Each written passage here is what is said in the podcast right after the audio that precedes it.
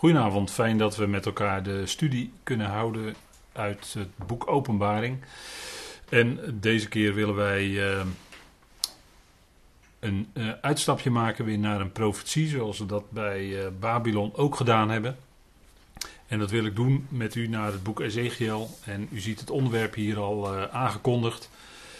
Zoals we dat al eerder in de studie zelf hebben aangekondigd, dat dat. dat er een keer aan zat te komen. Gog en Magog. En dat staat ook in openbaring 20, die uitdrukkingen. En dat willen we vanavond bekijken vanuit de profetie van Ezekiel. Bekende hoofdstukken zijn dat, denk ik. Uh, althans, de namen zijn heel bekend en de uitleggingen zijn er vele. Zoals dat vaak in profetie het geval is. Maar wat is nu precies de juiste interpretatie van die woorden? En uh, we gaan maar kijken wat het gaat opleveren. Fijn dat u uh, ingeschakeld bent, dat u meeluistert en meekijkt. En uh, we gaan met elkaar zo meteen lezen. En voordat we dat doen, wil ik graag eerst met u beginnen met gebed. Vader, we danken u dat we ook vanavond weer dat woord mogen openen. Dank u wel voor dat profetische woord. We danken u dat u dat zoveel jaar geleden heeft nauwkeurig laten opschrijven. En dat het ook enorm goed is bewaard gebleven. Dat bewijzen vondsten van manuscripten steeds weer. We danken u, Vader, dat u ons daardoor bemoedigt, aanspreekt, laat zien wie u bent, wat uw plan is en wat uw doel is. Vader, dank u wel dat we in deze tijd waarin wij leven de waarheid van uw woord onder onze voeten hebben en daardoor licht hebben, leven, liefde van u in ons hart. We danken u dat we geroepenen zijn en dat we ook dit profetische woord met elkaar mogen overdenken, omdat we weten dat heel de schrift ons tot lering en is geschreven en nuttig is tot onderricht en tot opvoeding in de gerechtigheid. We danken u dat we zo als mensen van God volkomen toegerust mogen worden in deze tijd waarin we staan. En we danken u, Vader, dat u ons dat woord aanreikt. Mag het vanavond ook dan weer klinken tot bemoediging, tot opbouw en bovenal tot lof en eer van u. We bidden u en we danken u daarvoor in de machtige naam van uw geliefde zoon. Amen. Goed, Gog en Magog. U ziet uh, hier de Hebreeuwse woorden opgegeven.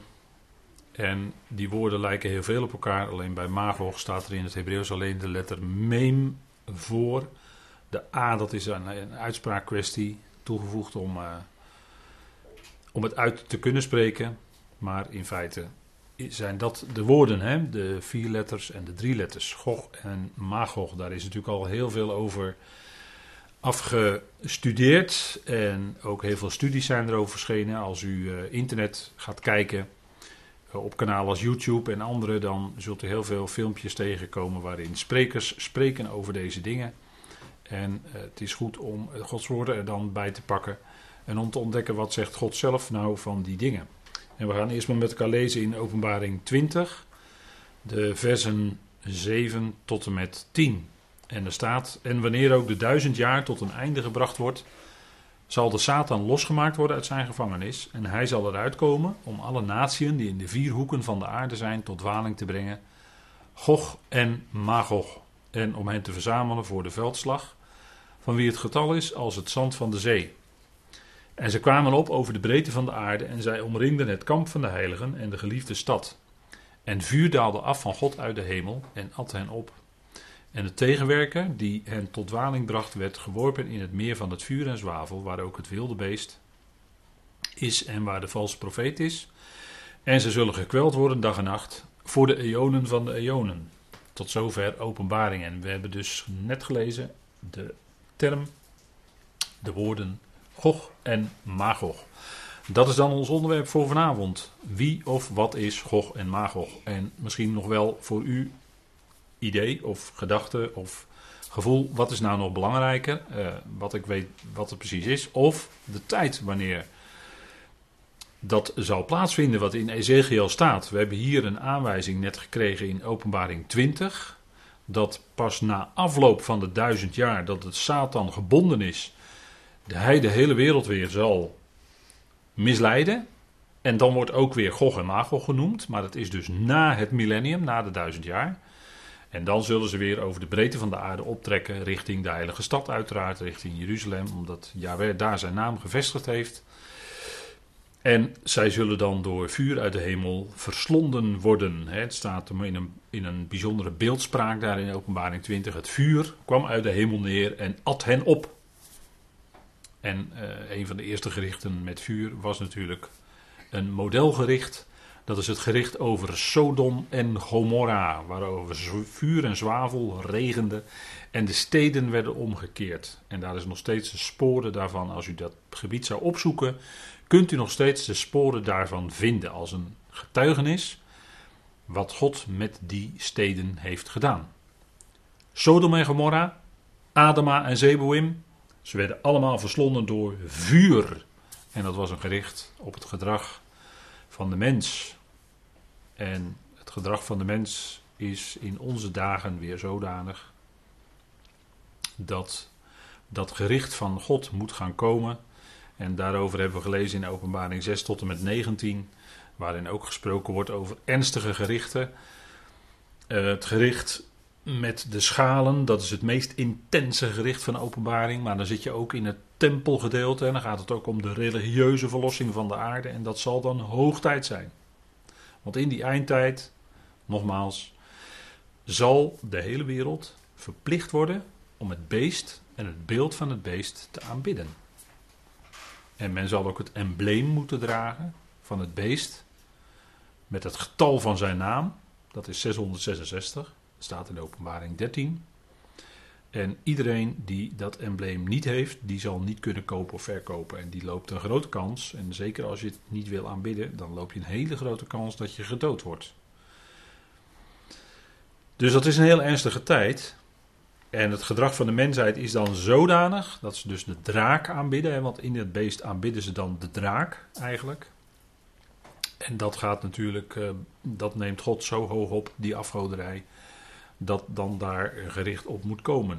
Maar we zullen zien dat dus ook zelfs na de duizend jaren, en we hebben de vorige keer al een inkijkje gekregen, een aantal highlights van hoe het zal zijn in de duizend jaar in Israël en op, om de rest van de volkeren dan iets minder, maar met name in Israël. En we hebben ook gezien dat het lang niet de, de volmaakte paradijselijke toestand is zoals die vaak wordt voorgesteld. Dan wordt er gezegd een duizendjarig vrederijk. Nou, dat zal het niet zijn. Dat zal het niet zijn. De Heer zal met een ijzeren roede dan de shalom voor zijn volk bewaren, bewaken. En dat zal te merken zijn. Goed. Het millennium, daar zijn we nu mee bezig. Openbaring 20. Twee periodes van duizend jaar hebben we met elkaar gezien. Dat is de tijd waarin de Satan gebonden is en in de abyssos zit met het deksel erop wat verzegeld is. En duizend jaar waarin de heiligen met Christus regeren. En daar zit een verschil in, 75 dagen waarschijnlijk. Twee millennia, hebben we gezien. Wat is Gog of Magog? We gaan even terug naar onze vraag van vanavond. Is Magog, dat wordt vaak gedacht, Gog en Magog, is dat Rusland? Met de al jaren alleenheerser Poetin wie hij ook maar is. En voor veel mensen denk ik dat het nog een mysterieuze figuur is. Maar goed, we gaan niet verder in op Poetin vanavond. Daar zou veel over te zeggen zijn. Maar dat doen we niet. In ieder geval is dat een soort tsaar, een soort uh, ja, oude heerser, zeg maar, die nog steeds aan de macht is. En wordt genoemd natuurlijk in de profetie Meshech. Trekt men heel snel de conclusie dat is misschien wel Moskou.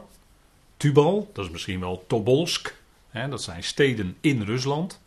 Dus dan kun je al heel snel je conclusie trekken. Oh, het zal wel Rusland zijn, want het komt ook nog uit het noorden. Hè, dat staat er wel, hè, het komt uit het noorden. En natuurlijk de beer, hè, Daniel, openbaring. Daniel spreekt over een berin.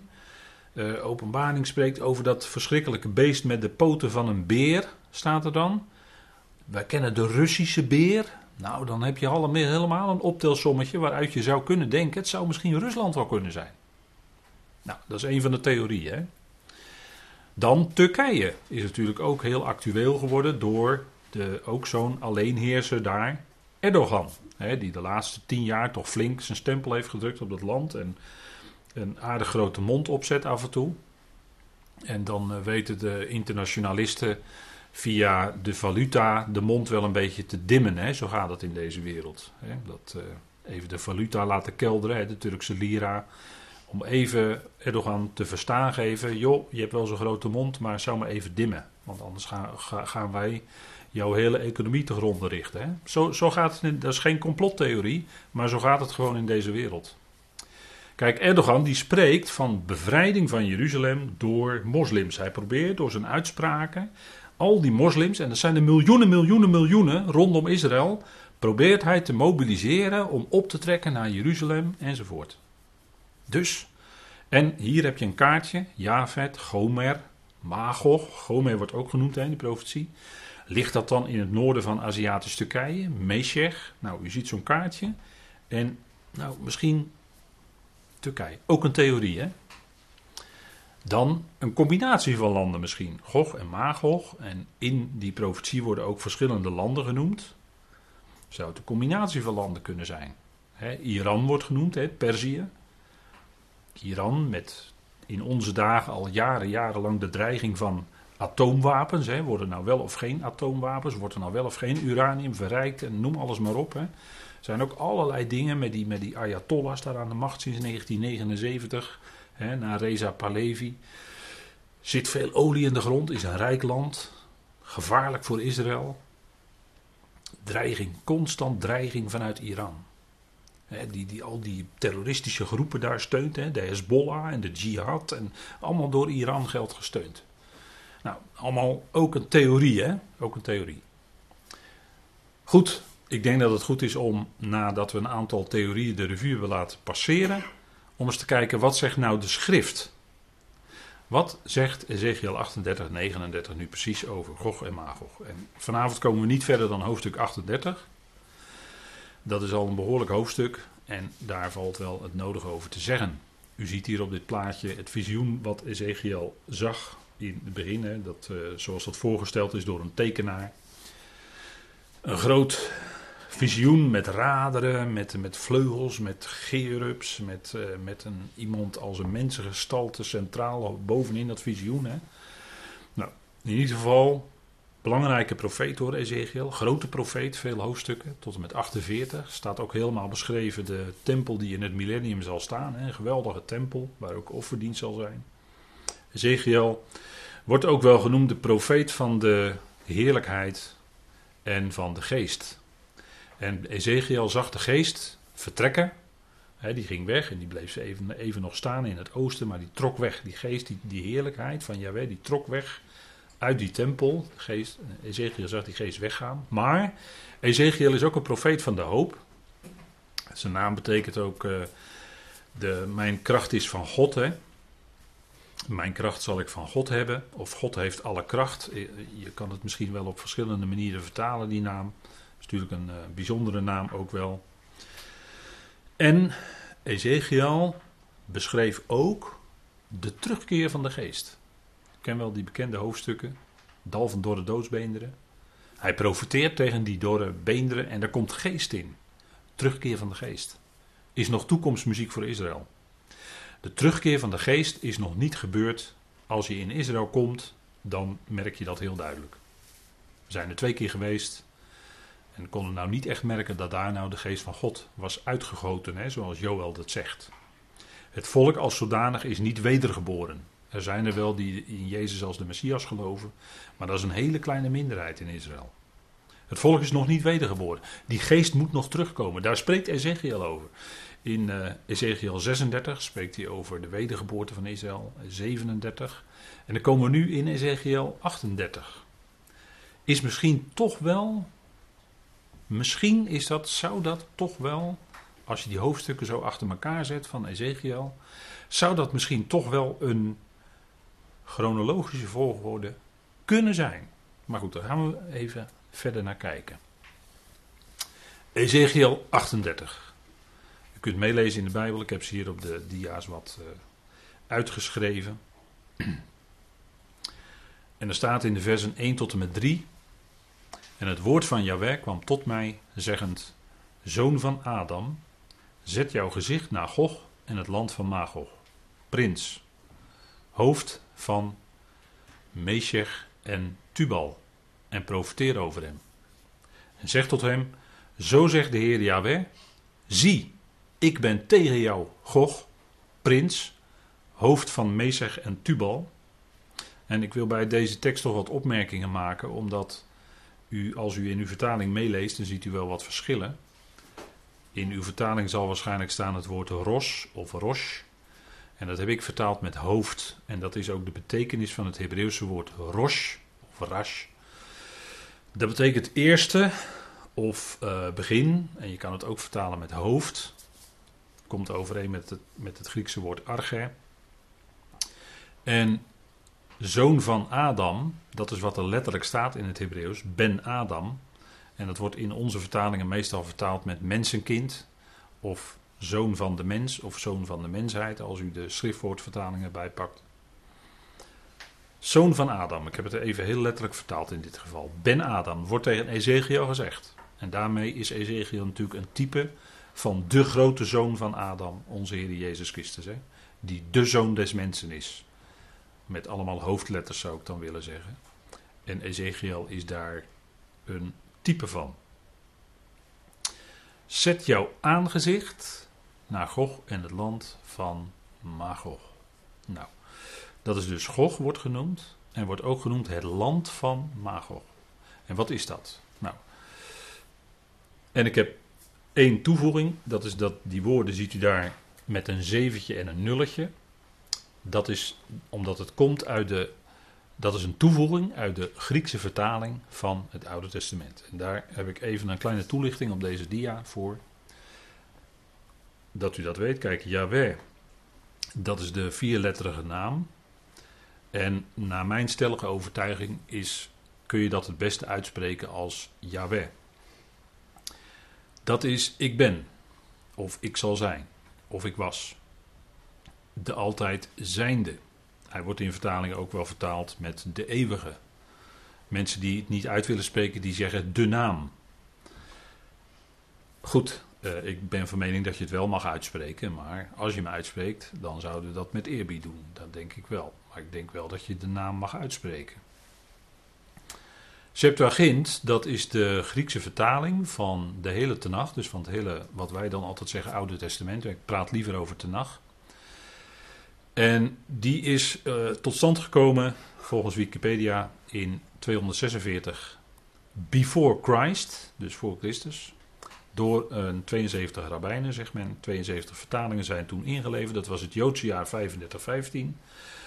En om heel precies te zijn, op de 8e Tevet, dat is de vierde maand, werden deze 72 vertalingen van de schrift in het Grieks ingeleverd.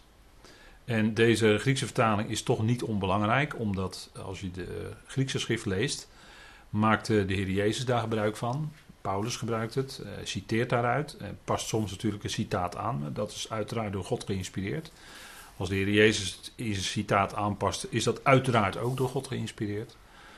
Maar men citeerde wel uit deze Griekse vertaling. Dat was zeg maar een. Uh, men sprak in de dagen van de Heer en de apostelen het Koine Grieks, hè, dat is zeg maar het, uh, een volkstaal die afgeleid was van het klassieke Grieks. En dat werd in het hele Rijk gesproken. Hè. Dat kwam door de veroveringen van Alexander de Grote. Die binnen korte tijd een heel groot gebied had veroverd. Dan verwijs ik u voor, de studies naar Daniel. Hè. Daniel eh, hebben daarover gesproken met elkaar. En daardoor was die Griekse taal over dat hele Rijk verspreid, wat dan op dat moment het Romeinse Rijk is. En vandaar dat die vertaling uh, gebruikt werd. In de synagogen uh, werd uh, en wordt het Hebreeuws gelezen. Dus echt de rollen worden dan geopend. En dan wordt, uh, je hebt dan elke week heb je een bepaalde Torah-lezing. Dus een stuk uit de Torah. Men is nu bezig, ik denk, ik geloof in Leviticus. En dan is er ook altijd een Haftarah-lezing enzovoort. Hè. Dat is een profeten. Noem maar op. Nou, dit even over de Septuagint. Dan gaan we even naar de namen. Gog, de naam Gog, is waarschijnlijk afgeleid van het woord, en dat is dan een dubbele giemel. U ziet dat daar staan. Ik, uh, goeg moet je het misschien uitspreken, ik weet het niet. En dat betekent top. Dus dan ontbreekt de middelste letter, dat is de waf, die wel in het woord gog zit. En je moet het dus, als je het uh, wil uitspreken, eigenlijk uitspreken als goeg. Maar in dat woord top, daar zit die waf niet in, maar hoogstwaarschijnlijk is dat woord goeg van dat woord top afgeleid en heeft het, was hoogstwaarschijnlijk ook die betekenis.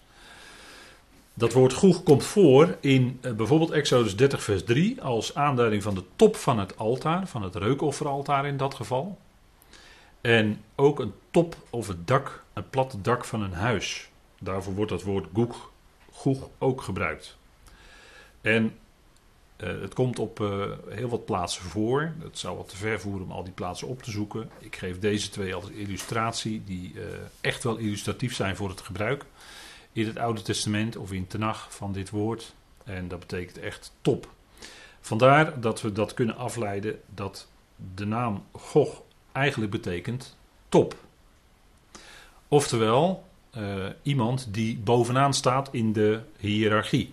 Dus een uitvoerend leider van een natie of een leidende natie. Bij een bedrijf zouden we tegenwoordig in het Nederlands zeggen een CEO een uh, bedrijfsleider, of nee, een uh, directeur, algemeen directeur. Algemeen uitvoerend directeur is dat in het Nederlands. Maar dan van een heel land. Dus de minister-president van een heel land zou je kunnen zeggen. Dus de top. Goed, die nemen we mee, die betekenis. Dan is Magog, dus het Gog is dan hoogstwaarschijnlijk geen naam, maar een titel. En vaak wordt gedacht dat het een naam is, maar het is heel aannemelijk dus dat Gog geen naam is, maar een titel. Net zoals koning, keizer, prins of hoofd. En zo wordt het ook gebruikt. In, die, in dat verband in uh, de tekst die we ook gelezen hebben met elkaar. Magog, dat is een woord dat is afgeleid dus van Gog. En een voorvoegsel in het Hebreeuws is vaak één letter Bijvoorbeeld de letter beet, dat is de B, dat betekent als het een voorvoegsel is in. Het woord beet is eigenlijk huis. En dat is ook de plek waar je in woont. Dus het is dan ook heel logisch dat als je de beet als een voorvoegsel hebt voor een woord, dan betekent het in. Zo is de Hebreeuwse letter M, de mem, betekent vanaf. Als het een voorzetsel dus is voor een woord. En in dat geval, als we dan dus afleiden van Gog, dus Magog is dan eigenlijk vanaf Gog, slaat dan op de volkeren die onder de leiding van Gog staan. En dan in een confederatie. Dus je zou kunnen zeggen, uh, Gog is de leider van een belangrijk volk. En die heeft een aantal geallieerden. Klinkt uh, denk ik niet onbekend hè, sinds de Tweede Wereldoorlog, dat woord. En ook al in de Eerste Wereldoorlog had je dat. De geallieerden, die dan gezamenlijk optrekken en dat uiteindelijk dan onder leiding van Gog. Zoals dat in onze afgelopen eeuw kunnen zeggen, onder leiding bijvoorbeeld van de president van Amerika. dat is dan de leider van de geallieerden. Nou, die. En als we kijken in openbaring 20, waar het dus ook gebruikt wordt, dan zien we ook dat er daar een volkerenconglomeratie is. Dus een volkeren, een geallieerde volkeren. En die trekken dan gezamenlijk op naar Jeruzalem. Onder leiding van Gog. En dus ook Magog. En dat bevestigt dan eigenlijk wat we gevonden hebben uh, nu vanuit het Hebreeuws. Dat het dus gaat om een samenstel van volkeren. Die dus dan na dat millennium, als we het hebben over openbaring 20, optrekken naar Jeruzalem. Nou, uh, Rosh betekent hoofd, dus we hebben het in de vertaling heb ik het aangegeven als hoofd. Dat is conform de Engelse Concordant Version. En uh, Mesech en Tubal, dat zijn eigenlijk twee namen die uh, eigenlijk onduidelijk zijn. Wat, wat voor plaatsen dat betreft. Dat is niet, niet goed duidelijk te krijgen. Goed, gaan we verder naar Ezekiel 38, vers 4. Want wat zal er gaan gebeuren? Ik zal jou omkeren. En dat is eigenlijk wat de Heer, wat Yahweh dus via Ezekiel tegen Gog, tegen die leider zegt. En die moet dat dus ook gaan doen. En ik zal jou omkeren en ik doe haken in jouw wangen. En ik breng jou uit met heel jouw leger, paarden en ruiters, met wapenrusting bekleed. Allemaal een grote menigte, met groot en klein schild. Zij grijpen allen zwaarden. En hier kunnen we even bij stilstaan, omdat we vaststellen dat hier Yahweh zelf het is die dit bewerkstelligt die dus daadwerkelijk Gog aangrijpt en hem toespreekt ook. dus die geest van Yahweh die gaat dus dan in die leider werken om dat te gaan doen. En hier wordt ook tegen hem gezegd: Ik zal jou omkeren. Ik doe haken in je wangen. Ik breng jou uit. Wie doet dat? God. En dat zijn we niet zo gewend om dat te bedenken. Ja, misschien u wel die luistert, hè, bedenkt, weet dat misschien wel, dat het werk is wat God doet. Wij zouden zeggen, nee, dat doen de mensen en wordt, misleid door de tegenstander en noem alles maar op. Hè. Dat, zo spreken wij er vaak over, allemaal heel logisch. Maar hier is Ezekiel toch heel specifiek, heel duidelijk. Hè? Jawel zegt dit via Ezekiel tegen Gog, tegen die leider. Dus die moet komen. Die, hè, die, die zit daar en die wordt in beweging gebracht door God zelf, door Yahweh.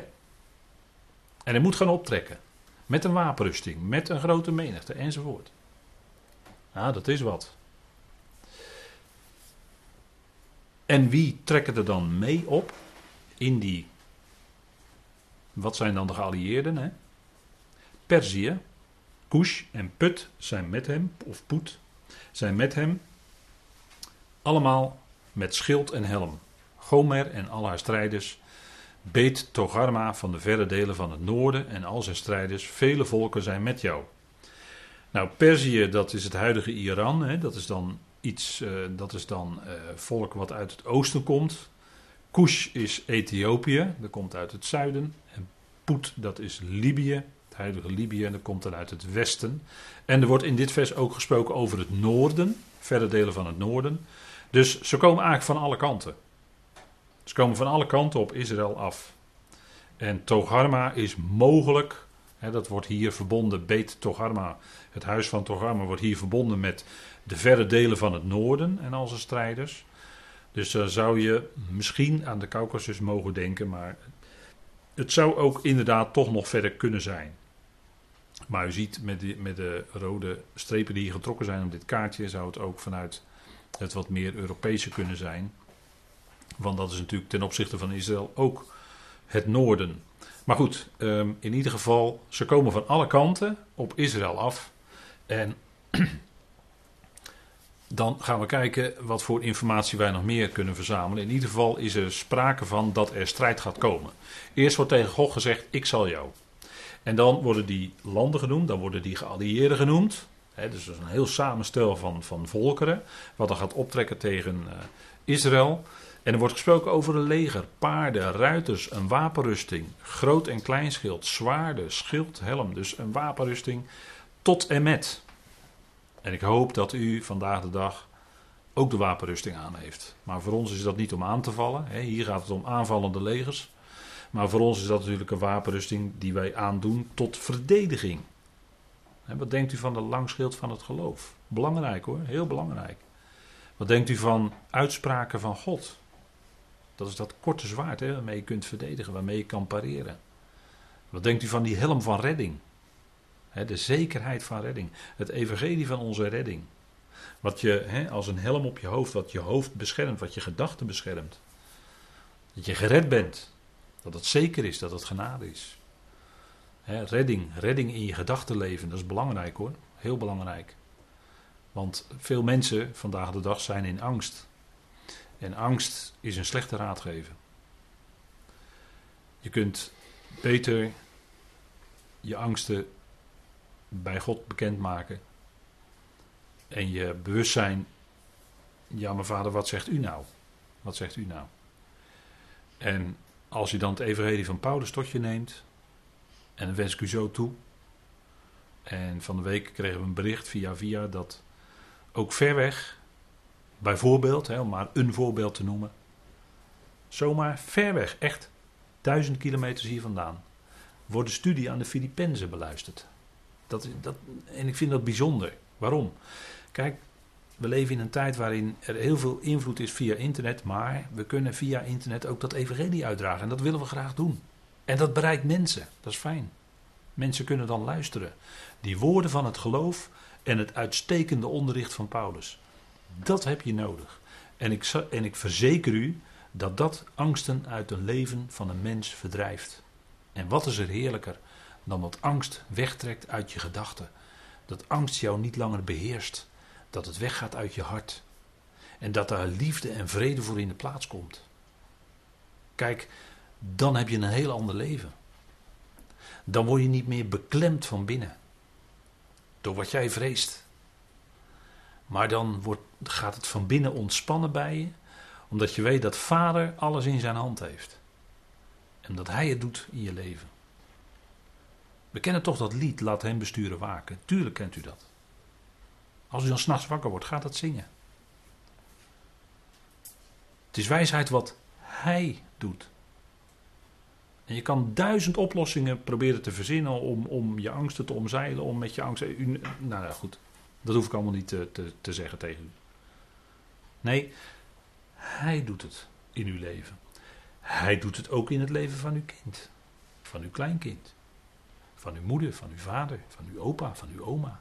Hij met een hoofdletter doet het. Geef het aan hem over. Dat zegt Filippenzen 4, vers 76 ook. Daar gaan deze week de dagstukjes over. Die u in uw mailbox krijgt.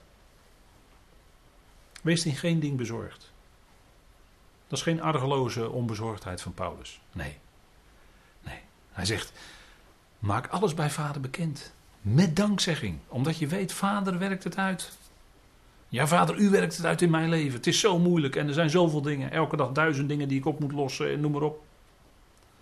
Bespreek het met vader. Dank hem voor de uitkomst die hij geeft. Laat hem besturen waken. Kijk, dat zijn elementen voor je wapenrusting. Wat ik u nu even mag vertellen. En dat is ook in genade. Dat ik dat aan u mag vertellen is voor mij ook genade. En dat we dat hebben mogen leren, is dat voor ons allemaal ook genade. Niets van onszelf, helemaal niets. Alles is van God afkomstig. Volledig, 100% genade. Kijk, die wapenrusting is zo ongelooflijk belangrijk, juist in onze tijd, waarin er zoveel op ons afkomt. Langschild van het geloof. Wat geloof je? We geloven dat we de Heer binnenkort gaan ontmoeten in de lucht. Dat is het eerste programmapunt. En daarna gaat God met Israël die draad oppakken.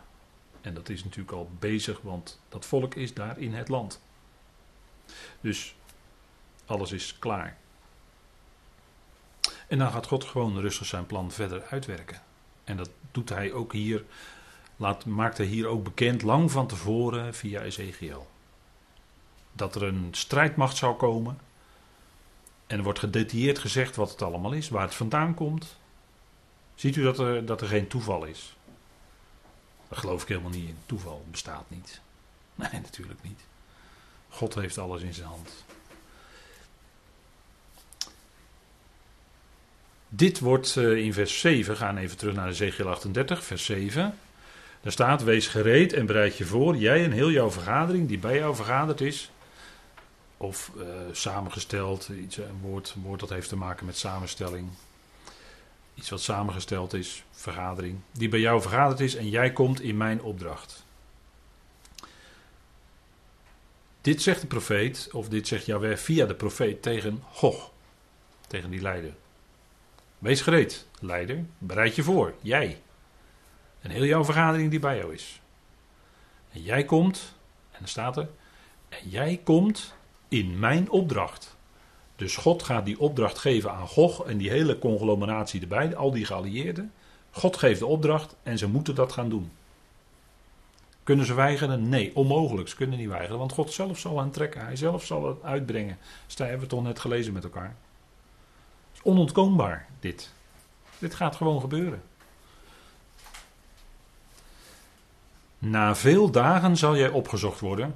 In latere jaren zal jij naar het land komen dat hersteld is van het zwaard. Dat bijeengeroepen is uit veel volken op de bergen van Israël, die een voortdurende verlatenheid werden, en zelf uit veel volken is voortgebracht en zij verblijven in vertrouwen, zij allemaal. Hier vinden wij wel wat aanwijzingen over de tijd. Er wordt hier gesproken over na veel dagen. En dat is een, toch wel wat specifieke uitdrukking, die bijvoorbeeld uh, ook voorkomt in Jozua 23, vers 1. Daar wordt ook gesproken over, laten we even met elkaar lezen. Daar wordt ook gesproken over na veel dagen. Jozua, u weet wel, degene die de leider was van Israël toen zij het land binnentrokken. Ook een prachtig type van onze Heer Jezus Christus natuurlijk. Hè.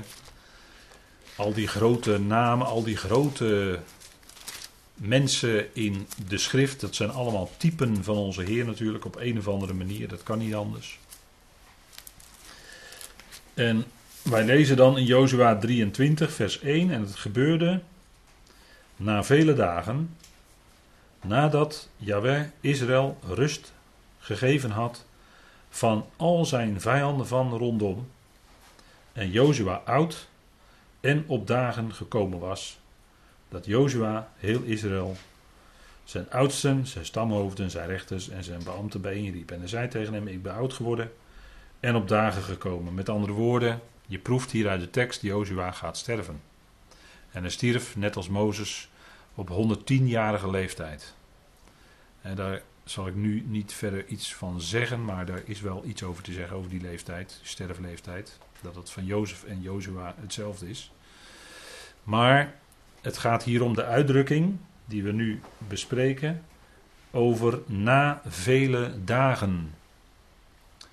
Of letterlijk vanaf veel dagen, wordt er gezegd. En dat is hier specifiek dezelfde Hebreeuwse uitdrukking als die we ook vinden in Ezekiel 38, vers 8.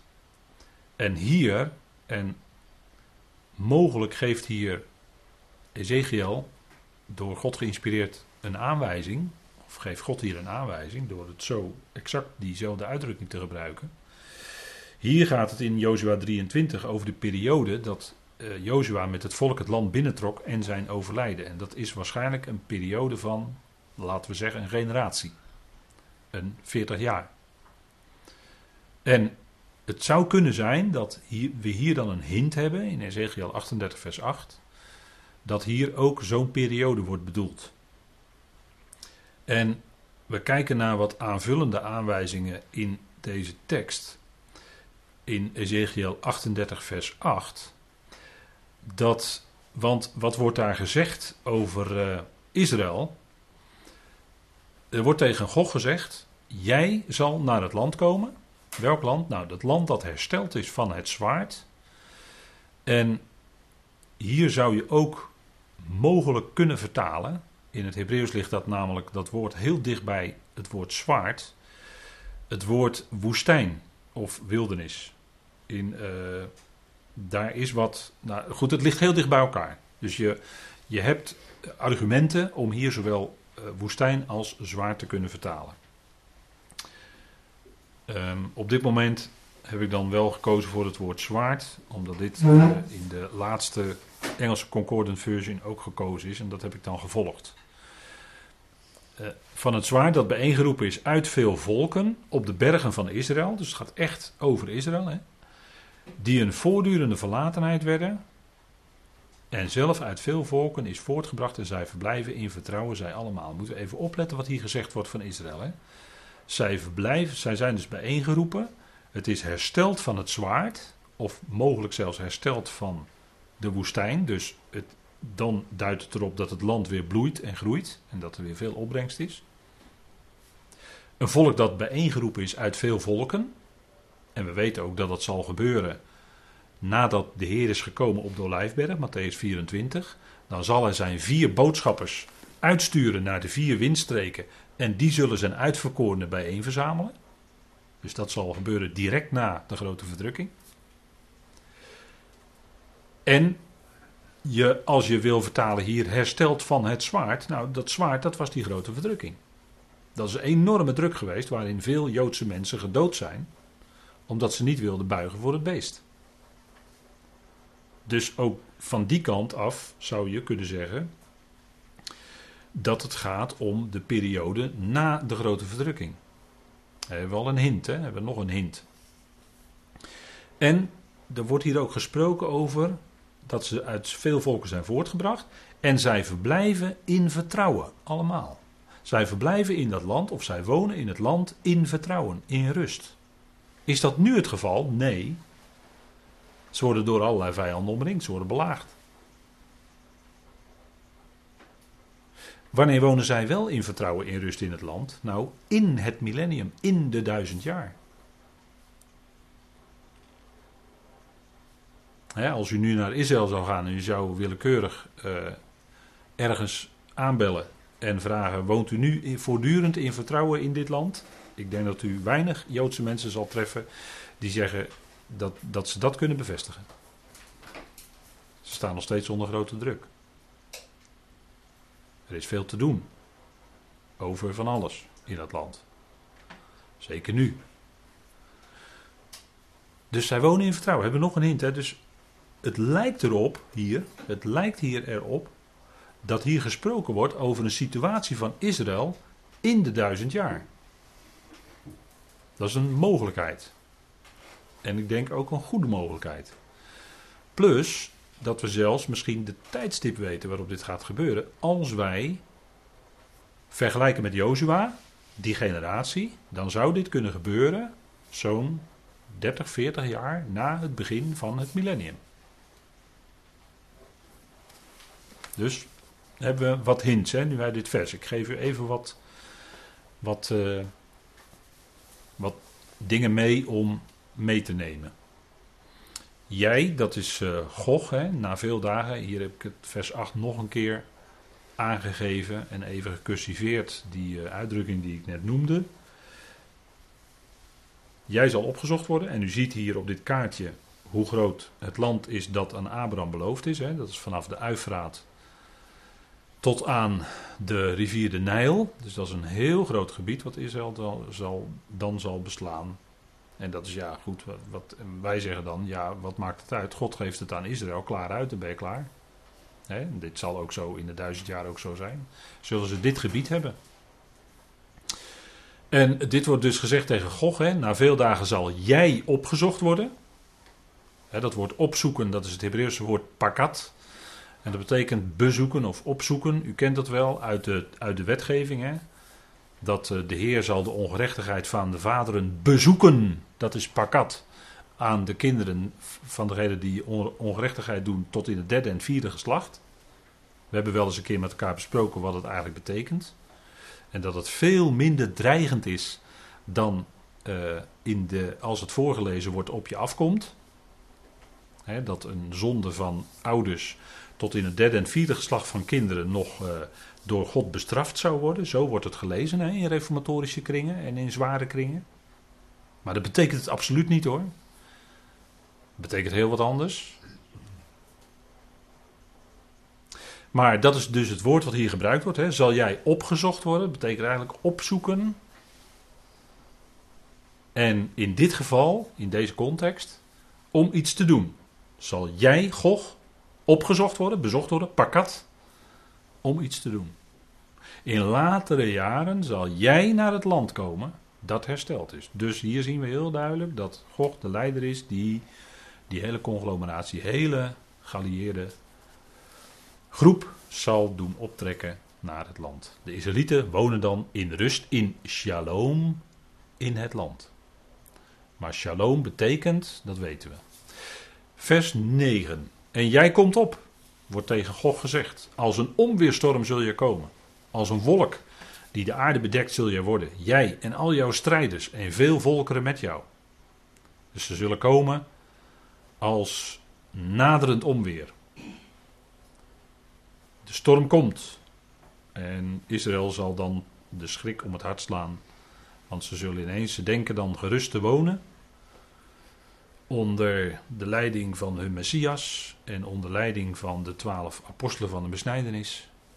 En zij zijn koningen en priesters. Zij hebben de offerdienst in Israël hersteld. Bij die geweldige tempel die beschreven wordt ook in Ezekiel. Geweldige tijd voor Israël. Ontspanning. Ze kunnen eindelijk in ontspannenheid en vrijheid hun feesten vieren en hun offers brengen. En de Messias er zal namens de Messias geregeerd worden door koning David. En de twaalf stammen zullen geregeerd worden door de twaalf apostelen van de besnijdenis. In, en dat is de wedergeboorte van Israël, die beleven zij dan. En dan komt er toch een onweerstorm. De lucht lijkt helder, maar toch komt er een storm op. En dan moet ik toch altijd denken aan die woorden van Paulus in 1 Thessalonicense 1 vers 10. Dat wij worden gered uit het komen van de verontwaardiging. Of letterlijk de verontwaardiging, de komende. Dan is die er nog niet, maar dan is die bezig te komen. En op dat moment zegt de Heer, nou is het genoeg. Naar boven jullie met z'n allen. En dat doe ik heel snel. En dan gaan jullie in de bediening. Dat is dan boven, te midden van de hemelingen. Daar kijken we naar uit. We bedenken de dingen die boven zijn, waar Christus is. Bedacht zijn op wat boven is. We kijken uit naar die hemelse bediening. Dat is geweldig wat we daar gaan doen. Geweldige genade van God tentoonspreiden. Die veelvuldige wijsheid van God dan in volheid met het hele lichaam van Christus aan de hemelingen, aan die overheden, machten, soevereiniteiten enzovoort bekendmaken. Wat geweldig is dat? Wat geweldig is dat? Die verzoening daar prediken. Ja, dat is natuurlijk geweldig. Aan die hemelse machten en krachten, ja, natuurlijk. Dan zullen we daartoe in staat gesteld worden door de geest. Om met hen te kunnen communiceren. Nou, dat is natuurlijk geweldig. dat is onze toekomst. En hier op aarde zal Israël haar plaats hebben. Als de bruid van het lammetje. In de bruiloft van het lam, in de duizend jaar. En ze zullen gerust wonen. En dan zal het toch een onweerstorm. Ja, ja, toch. Dat klinkt misschien raar, maar toch in die duizend jaar, als we hier de tekst volgen, lijkt het er heel sterk op dat dit gaat gebeuren in de duizend jaar. En eigenlijk al helemaal aan het begin, na een generatie al. En zegt hij, ja, maar hoe kan dat nou? Want de tegenstander is dan toch al gebonden. Die kan dan toch die volkeren niet meer, niet meer misleiden. Ja, we moeten eens even kijken. Wat, wat zou een reden kunnen zijn natuurlijk weten we vanuit God, hè, dat is de hoogste overweging. God zegt, ik zal. Natuurlijk, dan is het ook zo. Dan is het absoluut de hoogste overweging. Maar nu even de menselijke overweging. Israël zal dan een rijk volk zijn. Ze zullen volle opbrengst van het land hebben. Ze zullen rijkdommen hebben die hun door God gegeven zijn. En dan denkt u de omringende volkeren. Maar denkt u, kijk, dat vlees van de mens in die duizend jaar is niet veranderd hoor. Dat is nog precies hetzelfde. En die begeerte die zit in het vlees. Dus ook als de tegenstander gebonden is, begeert het vlees nog steeds. Daar heeft die tegenstander helemaal niet voor nodig. Dat doet het vlees gewoon uit zichzelf wel. Dus die volkeren die begeren dan die rijkdommen van Israël, dat zou een, een aanleiding kunnen zijn. En die willen dat hebben. En die gaan erop af. En ja, zeg ja, in duizend, maar zoiets heb, ik nog nooit bedacht eigenlijk. Nee, maar die oude mensheid is er dan nog steeds. Natuurlijk, voor een deel zijn er ook levend gemaakte mensen, dat maakt het wel heel apart. Hè, die bij de opstanding van de rechtvaardigen opgestaan zijn. Natuurlijk, dat maakt het heel apart. In die duizend jaar, hele bijzondere situatie. Tuurlijk. En Israël zijn koning en priesters. Maar we hebben nog steeds te maken met die oude mensheid. Waarvan Paulus zegt in zijn evangelie dat hij mede gekruist is met Christus. Maar dat evangelie wordt in die duizend jaar nog niet gepredikt. Daar worden offers gebracht. En via de offers krijgen ze onderwijs, mogelijk ook een beetje al vanuit de Hebreeënbrief, wat, het, wat Jezus Christus aan het kruis gedaan heeft. Dat zou kunnen. Maar daar zijn ze nog niet toe aan het evangelie van Paulus. Dus we hebben nog steeds te maken in die duizend jaar met die oude mensheid. Die gewoon vlees begeert, uh, noem alles maar op. Ze willen die rijkdommen van Israël hebben. En uh, ja, ik denk dat, uh, dat, die onweer, dat dat een reden is waarom dat onweer, waarom dat volk, Gog met die anderen, als een onweersbui komt opzetten naar Israël toe. En Israël zal de schrik om het hart slaan. Nou, ik denk dat het nu wel even goed is om een bak koffie te gaan drinken. We gaan even pauzeren.